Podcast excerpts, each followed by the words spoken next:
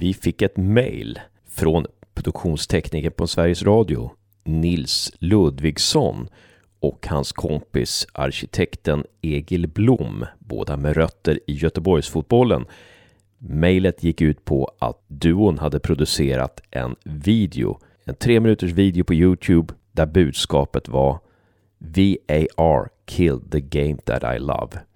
Vi tog ett snack med Nils och Egil och det visade sig att duon inte bara hade gjort den här videon på kul utan att man faktiskt hade känslomässiga och genomtänkta åsikter när det gällde VAR.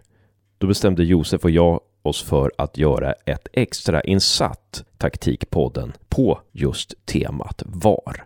Så här följer 30 minuters diskussion om VAR, framtiden för det, behovet av det och hur det kan utvecklas. Sist men inte minst en varning till känsliga lyssnare. Det här är inte ett hyllningsprogram till VAR. På fredag kommer vi med taktikpodden nummer 76. Då snackar vi med Ramin Kiani som är instruktör och pedagog på tränarutbildningen på Svenska Fotbollförbundet. Innan ni lyssnar på det här avsnittet eller när ni har lyssnat på det här avsnittet, följ länken och gå ut på Youtube och titta på videon som Nils och Egil har gjort. VAR KILLED the Game That I Love. Jag heter Hasse Karstensen. Jag hoppas att ni ska få en trevlig lyssning.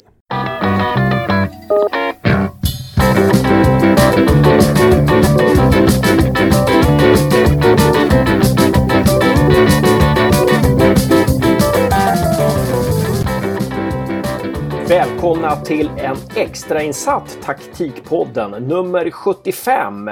Och varför är den extrainsatt? Jo, för att vi ska diskutera VAR. Det dök upp en video här på tre minuter som var extremt eh, spetsig och eh, extremt ifrågasättande och spännande. Då fick vi lite feeling här, Josef och jag, att göra en extra podd.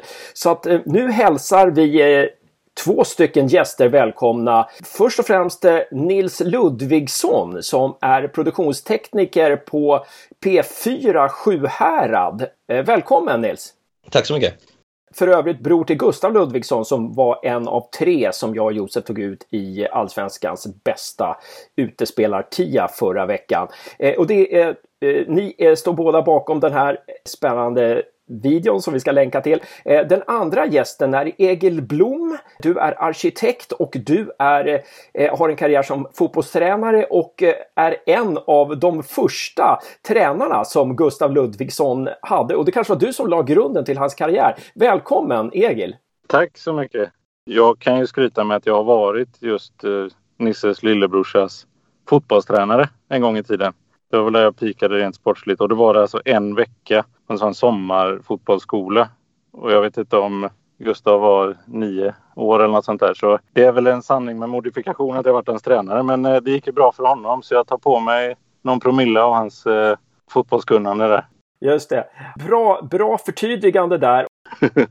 Underbart intressant. Vi ska prata om VAR här och eh, som vanligt är också Josef med. Välkommen Josef! Du går in på din sista termin, Sportsmanagement i, på Linnéuniversitetet i Växjö och du scoutar för lite olika lag i eliten också. Välkommen Josef! Tack så mycket Hasse! Vi kastar oss rakt in i den här VAR-soppan, den här variga grejen. Men vi, vi, kommer naturligtvis ifrågasätta VAR. Det, det är det som den här videon gör och det är det som ni gör med den här videon, Nils och Egil. Men vi börjar lite längre bak här. Alltså, när Nils och Egil, när hörde ni talas om det här VAR för första gången? Och eh, ja, hur ställde ni er till det då? Ska vi börja med Nils?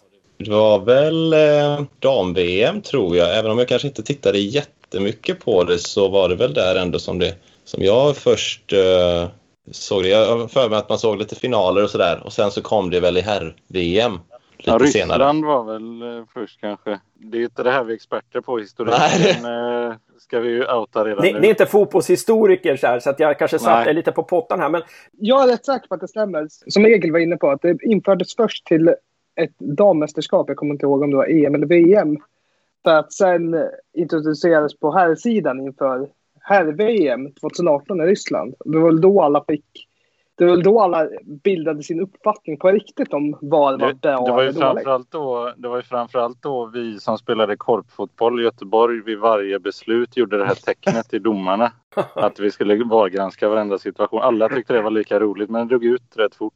Jag försökte hitta just det tecknet till video faktiskt, men det var jättesvårt att, att hitta på Youtube. För det, man kommer ju ihåg det här när de spelarna sprang fram och skrek och gjorde den lilla rutan till domarna. Liksom. Det, det har ju etsat sig fast. Alltså jag kommer ihåg att jag ville ha VAR. Jag kommer ihåg, det var ett, ett VM om jag inte minns fel. Eh, Josef, du kanske kommer ihåg vilket år det var, men alltså jag tror att det var Frank Lampard som, som, som sköt ribba in mot Tyskland och bollen var en halv meter inne och ingen såg någonting och jag bara tänkte fan nu måste vi få videosystem liksom. Det här funkar inte. 2010 hände det. Jag minns den också och det var ju någonting man är för, fast det är ju inte riktigt VAR. Det är ju eh, Nej, men man, kan- man kan ju dra domar. avgränsningarna lite där. För att eh, mål, mållinjekameran Målkamera, ja. har ju funkat.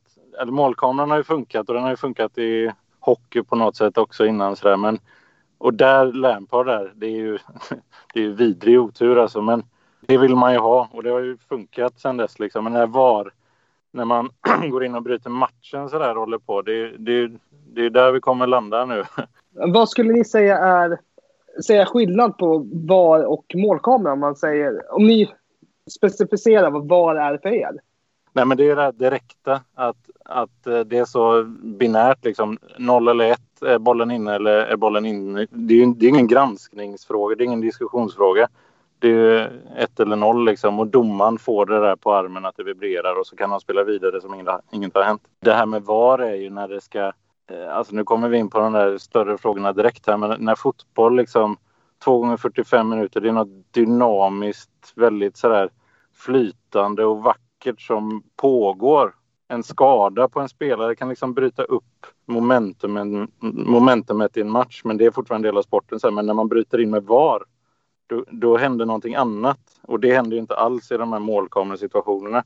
Man liksom pajar den unika matchbilden liksom med någonting så onaturligt. Ja, det stämmer. Till 100 procent. Har ni någonsin varit förespråkare av VAR i början? Alltså tänkte, var ni något sånt där att ja, men det här kan vara bra? Alltså innan när ni såg alla de här baksidorna, var, var, ni, var ni fortfarande motståndare till VAR eller kunde ni se fördelarna liksom innan ni såg nackdelarna?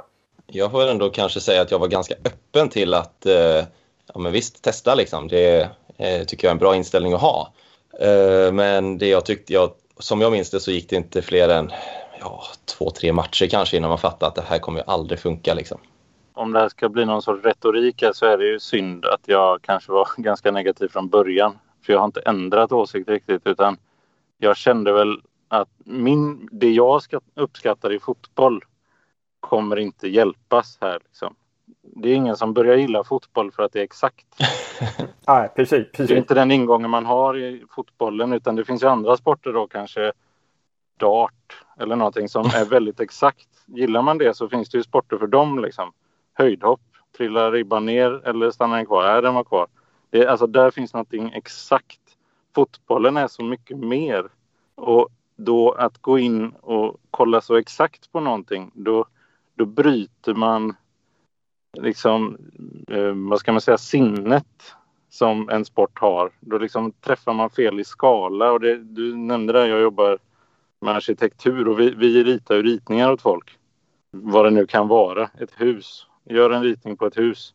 Då ritar ju vi i rätt skala för ändamålet hela tiden. Så här, ska, ska vi rita en stad, ja, men då kanske vi inte lämnar in ritningar i millimeter. Ritar vi en altan eller en liten, liten, liten detalj, då är det klart vi ritar i millimeter. Men vi tar aldrig fel på skala. Vi ritar i rätt skala och på samma sätt så är VAR i en väldigt liten skala i en sport som egentligen har en mänsklig skala. Eh, så jag kände väl direkt att det här, det här det kommer bli bråkigt detta. Ja. N- när, om vi tar det där första gången när, när ni liksom kan ni, eh, vi ska ut, jag vet att Nils har, du har några sådana här matcher som är liksom skräckexempel. Men om vi tar så här första gången, minns ni den här första gången, Josef kan ju också vara med här liksom.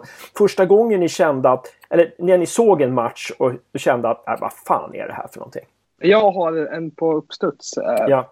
När vi såg eh, åttondelsfinalen mellan, me, mellan Paris Saint-Germain och eh, Manchester United. Då United har varit nästan till helt utspelade hela matchen och får en straff på en hands som ingen reagerar på i 90 minuten och går vidare. Då, då tänkte man lite så här att men, det här är inte, det, det var ju varken rättvist sett till matchbilden, men det var en hands. Men, och det var då man kände, är det här fotbollen, är det här fotbollen är? Är, det här vad fotbollen har blivit?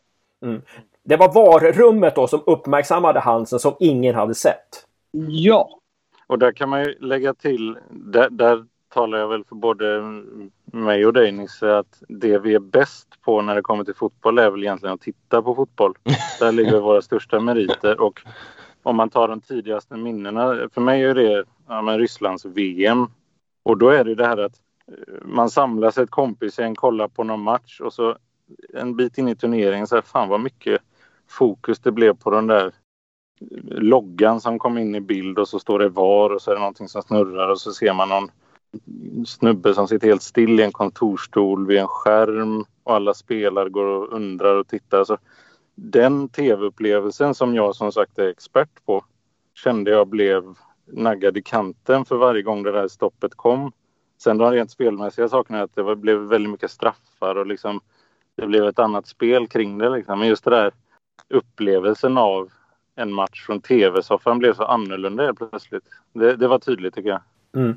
Det där är ju intressant. Det skulle vi kunna komma in på så småningom det här med vad tror ni alltså framtiden för VAR och det här produktionsbolagen, de som betalar liksom miljarder för sändningsrättigheterna.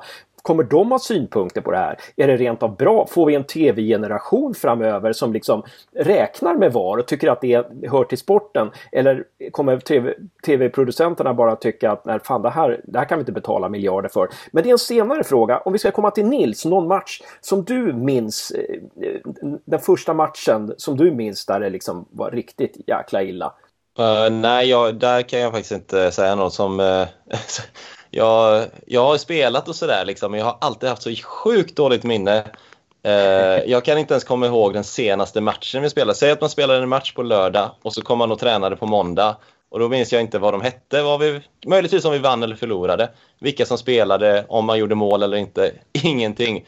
Så jag var som sagt tvungen att liksom kolla upp lite på vilket datum var det nu Crystal Palace mötte Leeds förra året. Då skulle jag kunna eh, ja, göra någonting Jag kan påminna dig Nilsson, senast vi spelade fotboll, det gjorde vi tillsammans, vi förlorade ju typ med 13-0. Nej, jag inget, inget, inget minne av det faktiskt. okay. I och med att ni båda håller på Liverpool, det får lyssnarna reda på nu, kan det göra att er bild av VAR är mer negativ kontra en person som kanske håller på ett bottenlag eller ett mittenlag som eventuellt skulle tjäna lite på att ha ja, video assistant referee? Jag kan ärligt säga att eh, jag hade hellre sett, nu kommer jag ju fan, ja, nej jag kan inte säga det. Jag kommer ju få så sjukt mycket skit om jag säger att jag hellre ser att Liverpool förlorar om, eh, om vi slipper VAR. Det kommer ju jag åka dit på. Men det handlar inte om det, utan jag, jag älskar ju sporten fotboll i första hand och sen så gillar jag allt, i princip allt det som Liverpool står för också. Men på, liksom, jag gillar the big picture om man säger så. Eh, jag vill hellre ha eh, bort VAR än att varenda millimeter ska bli helt exakt rätt. Men det var ju till och med en situation där eh, vi kollade samtidigt Nisse och så tror jag det var Ja, men det var ju till och med United som om de fick en straff eller hur det nu var inte fick en straff på grund av VAR. Och vi båda, och det var granskning och det tog en stund och sånt där. Som Liverpool-fan då så finns det ett, en tydlig utgång som vi önskar.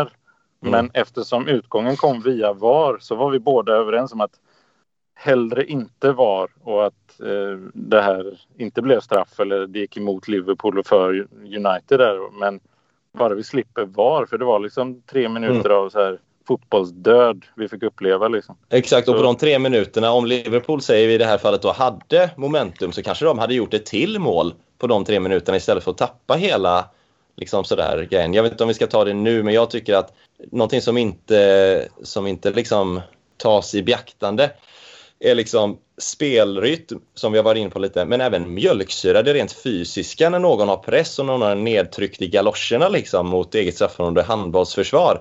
Det är ju liksom mjölksyra och hög puls och grejer där du kan helt återhämta dig på de här VAR-situationerna. Och dessutom den psykologiska stressen och pressen av att vara tillbakatryckt så mycket. Eh, allt det raderas ju och liksom nollställs.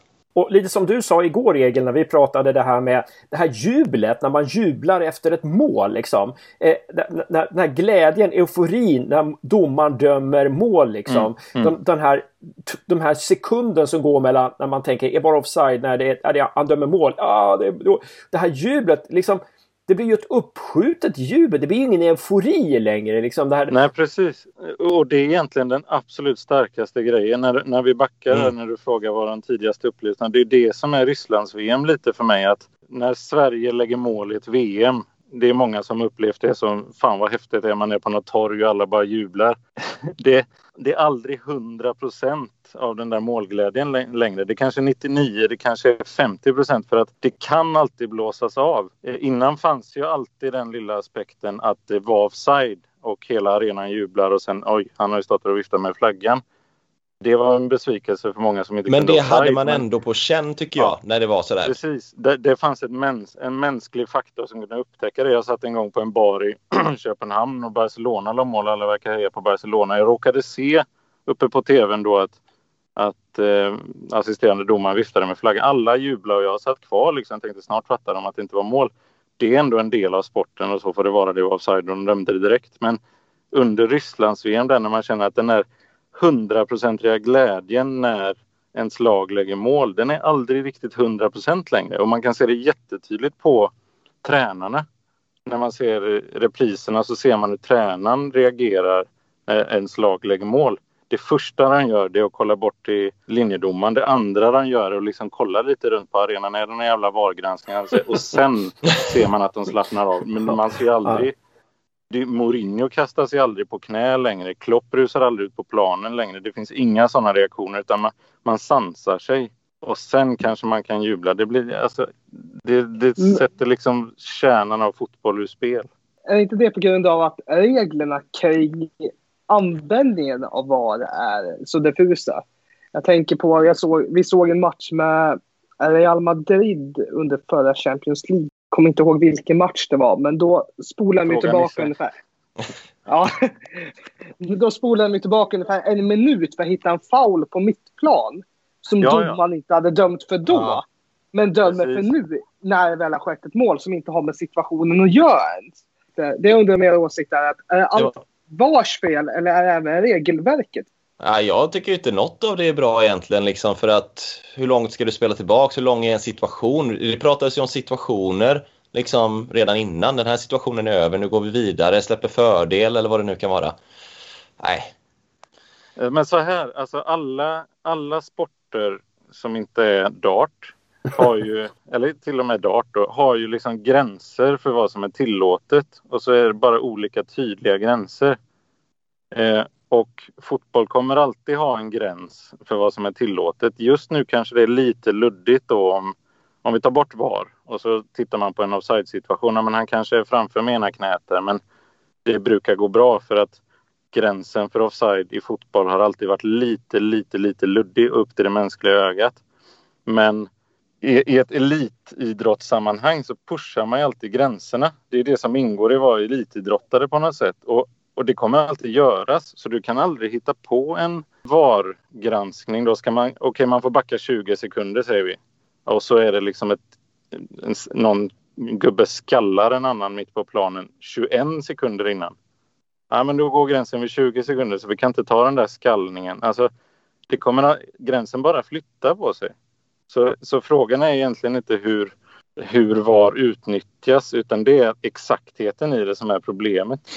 Jag håller med och jag skulle jag kan faktiskt flika in med en grej där. Det är att om man nu pratar om det här skala som vi hade tidigare och, och, och jag vill gärna se det från en större, större perspektiv så hade jag inte varit, haft något emot att folk blir avstängda för till exempel filmning och såna här grejer i efterhand eh, med hjälp av VAR då, liksom inte bara tv-bilder utan riktiga eh, dedikerade kameror. Det tycker jag är okej, okay, men jag tycker att när väl det liksom resultatet har spikats, även om någon filmade till sig en straff, så låt det målet stå och eh, stäng stänga av den spelaren lite efteråt.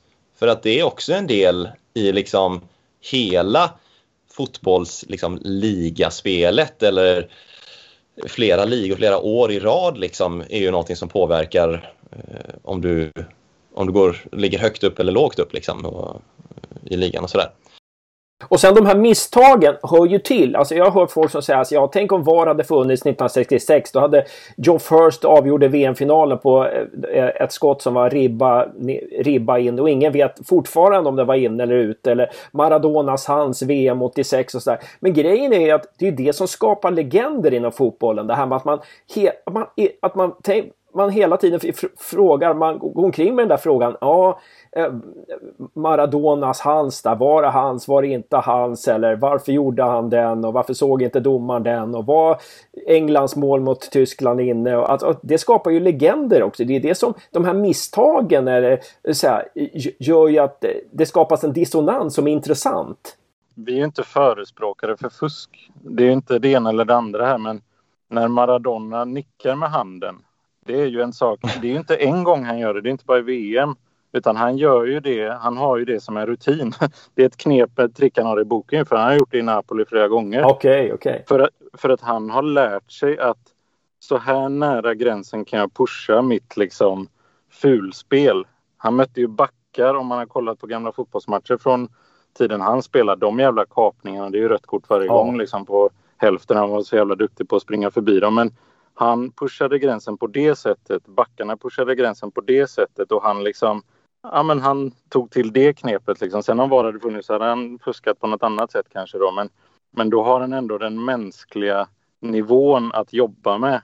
Hade han, ja, det, det, det är ändå fair fast ofair liksom. Sen önskar man väl att han hade nickat då istället. Det hade väl lika mycket mål det. Ja, ja. Jag har ju inget investerat i det här, så jag, men jag bryr mig inte att uh, han uh, tog med handen. Jag bryr mig inte så jättemycket om legender heller faktiskt. Uh, Nej, om jag ska gå emot strömmen lite här. Jag, jag, jag bryr mig inte så mycket där om, om han inte hade blivit en legend på det målet eller inte. Liksom så här, det, jag fattar att det finns en spänning och jag respekterar att folk tycker det. Men eh, ja, för mig spelar det, kan det kvitta. Liksom så. Ja, men jag, jag har tänkt på det innan faktiskt Hans som, som ett exempel. Alltså, för det finns ju de där situationerna som hade historien hade skrivits om väldigt tydligt. Då. Men eh, ja, det är lite så här, hade, det blir lite kontrafaktisk historia på något sätt som är svår och det hade väl hänt något annat intressant istället då istället för den där handen. Men, men man ger ändå fotbollsspelarna chansen att pusha gränserna liksom. Och Maradona pushade gränsen och det funkade ju tydligen då. Liksom. Mm. Ja, precis. Jag gillar det som sades i taktikpodden eh, nummer 65 här eh, tog jag med mig ett eh, citat. Om det ingår i spelet att vilseleda får man också acceptera att domarna blir vilseledda. Det var en väldigt fin krönika där. Eh. Ja, det var bra sagt Hans. Där. Ja, ja, tack. Eh, för där var jag ju också lite här inne på var, jag menar, varför, varför, in, varför lägga in, alltså var, folk tror ju så här, och det här är Ja, med var får vi det exakt? Ja, men det blir ju inte exakt. Det blir ju, det blir ju bara ännu en bedöm... Det är ju några domare då som sitter framför skärmar. De är ännu längre bort från planen än domarna som är på planen. Och så ska de bedöma någonting. Alltså det är ju det är vansinniga grejer. Och där tänkte jag Nils, du hade ju plockat ut några matcher där som var, som du som var lite... Vill du ta några exempel där VAR verkligen har? Jag tog, ja visst absolut, jag tog bara de senaste här då. Jag pratade om Crystal Palace eh, mot Leeds. Eh, 7 november här förra året. Eh, Bamford gör ju mål där men vinkas offside för att hans arm pekar var han vill ha bollen. Och då är det liksom, det är den här armhåle-offsiden som även Firmino hade vid något tillfälle, om det var Wolves eller något. Um, och det är ju bara helt, vad ska man säga, befängt. Jag skulle egentligen, det är inte så mycket att, att armhålan är offside, för regeln i sig bedöms ju rätt eh, på just den någonstans dras ju den här eh, linjen, eh, det är slutet på skjortärmen eller var det nu övergår på axeln där. Eh, den delen som, som man kan lägga mål med, eh, om den delen är offside, när bollen slås, så har många fokuserat på att regeln är eh, tydlig. Men det här med att bollen slås, det kan ju vara flera hundradelar och vi får aldrig en riktigt bild på när själva bollen lämnar foten. Så ska man ha VAR så behöver den vara i så fall ännu mer exakt, åtminstone om du ska döma offside på sådana grejer. Annars blir det ju godtyckligt att bara här sätter vi den här filmrutan som för övrigt inte är särskilt högupplöst heller. Det är ju absolut på sin höjd 60 frames per second om inte 30, vilket är ganska lite. Man hinner röra sig ganska mycket i hög fart på en eller två bildrutor. Liksom. Så där tycker jag det är helt vedervärdigt. Är det någon som... Ja, men det återknyter till det där med skalan, alltså grovheten i fotboll jämfört med exaktheten man försöker uppnå. Skillnaden där är så stor så att det blir fel. Jo. När offsider sker på saker som inte påverkar spelet. Ja visst, hans arm är offside. Eller det där när, när armen tar slut. Ja, det är ju offside. Men det påverkar ju inte målet. Mm. Det är när sådana saker kommer in i spel som man, bli- som man blir irriterad. När bedömningar sker på, som ni säger, med skala millimeter. Utan den här mänskliga faktorn. Ja, men han pekar efter bollen. Ja, men klart som fan. Han, inte, han, inte, han springer inte med armen framåt sen när, när bollen slås. Utan det är ju bara att han visar vart han vill ha den och då lyckas bollen ha, få ett tillslag. Den här mänskliga faktorn, det är ju som det här med handsregeln som fortfarande är luddig. Jag tror vi ska försöka sy ihop säcken här då. Och eh, en ganska stor fråga. Kan man behålla VAR men modifiera det? Förändra det så att det blir mer förenligt med fotboll. Jag tänkte på ett sätt som skulle dra det åt det mer mänskliga, men det är också sådär kladdigt. Men det skulle ju vara att om det är en situation som domaren själv känner och fan jag kollade bort här eller det kommer en fluga och det kan ha varit någonting. Att få springa bort till den där tvn och se det en gång till i riktig hastighet. Bara få en extra chans att se det. Utan det här liksom inzoomningen och se det tio gånger till eller ägna fem minuter. Eller bara, bara få se det en gång till i mänsklig hastighet och mänsklig skala på något sätt. Så här, det, åt det hållet skulle man kunna gå. Och inte sådär. För om inte han ser det när han står koncentrerat och liksom får det uppspolat i riktig hastighet. Ja men då kanske det inte var någonting heller. Nej. Domaren själv avgör om han, vill han eller hon vill titta på det. Eh, och det är bara den domaren som får titta på det. Det är liksom det. Ja men precis. Inte liksom blanda in flera. Så här, de, nu är det väl det att de, de kan väl ringa hans öra och påpeka att nu tror vi att det har hänt någonting här. Men just i det där granskningsögonblicket att man inte går ner för mycket i skala där, utan man Ja men då får han se det en gång till. Ungefär på det sättet som man såg det live. Han kanske snubblar precis samtidigt som Sterling snubblar och vet att fan det hände någonting. Ja men då får jag väl se det en gång till som om jag hade tittat dit. Men inte hålla på med de där Ja, Jag är osäker, jag är os- om du frågar mig och, och oss, vilket ni gör nu, så eh, är jag osäker på om det skulle hjälpa. Så jag tycker att eh, jag är kanske mest inne på det här med, eh, med offsiden för att det är lättast eller blir mest. eh, Jag är mest irriterad på det. Men då har du också ett ingångsvärde som är fel när du ska ha stillbilder, när, det, när du inte har tillräckligt bra upplösning ens på kamerorna. Liksom. Vi betalar hur mycket som helst och det finns bra kameror, eller vi, men de betalar och det, är ju, det kostar mycket i alla fall. Och eh, det är ändå dålig ingångsinformation, eh, att det blir ja, inte tillräckligt tydligt. Men man skulle kunna öka liksom, exaktheten i det, men ändå, om de nu ska behålla VAR, så tycker jag att man skulle ge det en bedömning ändå och säga, alltså dra den här personen fördel av det. Det är väl det egentligen jag vill komma fram till. Eh, när Mané står med ryggen vänd och hans skulderblad sticker ut lite extra. Där det är liksom, även om vi får en ännu mer, tio gånger mer exakt eh, offside-linje där, så är det frågan, drar han fördel av det? Och där tycker jag att man måste öppna upp för en bedömning i så fall. Ja, Ja, det blir ju fel hur man än gör. Jag, jag, jag tror ju inte att man kan liksom jobba mer med detta. Den dagen en människa kan uppfatta om han råkar ha sin, sitt knä en millimeter framför motståndarens knä. Den dagen människan är så bra och fotbollsproffsen är så bra på att uppleva sånt. Då kanske man kan gå in med den tekniken och liksom hjälpa till. Men så länge en människa inte kan ha koll på de millimeterna utan kanske uppe i decimeternivåer med blotta ögat känna om man ligger offside eller inte. Så länge människan funkar så så tycker jag man kan hålla sig undan var. Det här däremot då som vi pratade om att, att man kanske kan filma en match och bli avstängd i efterhand. Och de här sakerna som inte går in och bryter matchen det, där kanske man kan utnyttja VAR till någonting. Jag håller med mycket av det du säger. Jag tycker du sa Nisse var väldigt spot on. Men jag har sett, eh, jag skickade här i vår gruppchatt igår. Jag har sett eh, Uefas Man in the Middle då de har mickat upp domarna under Champions League från förra säsongen. Och få höra när de kommunicerar med barrummet och så har de intervjuer innan, under och efter och allt möjligt. Och där säger ju en stor domare, jag kommer inte ihåg exakt vem det var, han säger det tacksamma med VAR idag, det är att alla fokuserar på VAR. Det är ingen som kommer åt oss domare och blir förbannad på oss för att det är ett dåligt beslut, utan alla klagar på VAR.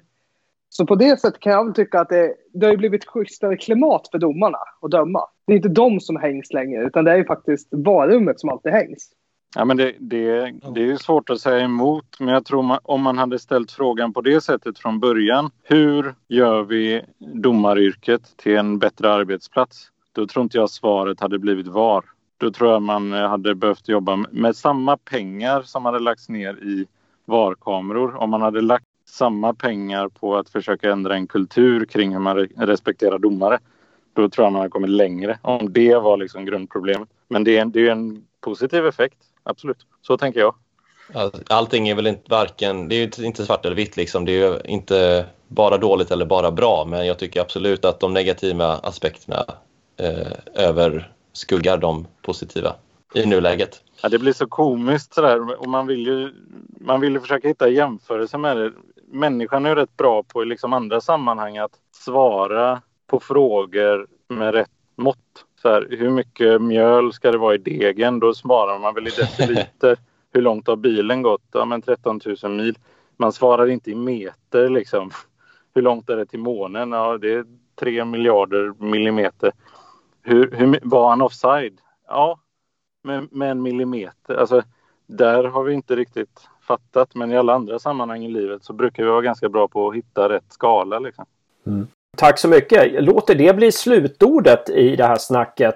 Och jag vill uppmuntra alla lyssnare att kolla in videon som Nils och Egil har gjort och som, eh, som på något vis symboliserar det prat vi har haft här nu. Titta på videon, dela den, kommentera den. Och vill ni kommentera den här, det här avsnittet så kan ni mejla taktikpodden gmail.com eller kommentera oss på Twitter eller Instagram. Tack så väldigt mycket! Tack ska du ha Nils för att du ställde upp i Taktikpodden. Tack, tack! Jättekul att vara med. Och tack Egil! Tack för att vi fick vara med. Och eh, tack Josef, bra jobbat! Tack så mycket Hasse och tack detsamma. Och jag lägger även till att vill man inte vara offentlig på Twitter så kan ni alltid skicka ett direktmeddelande till oss där. Så återkommer vi och svarar och kan diskutera fram och tillbaka även där.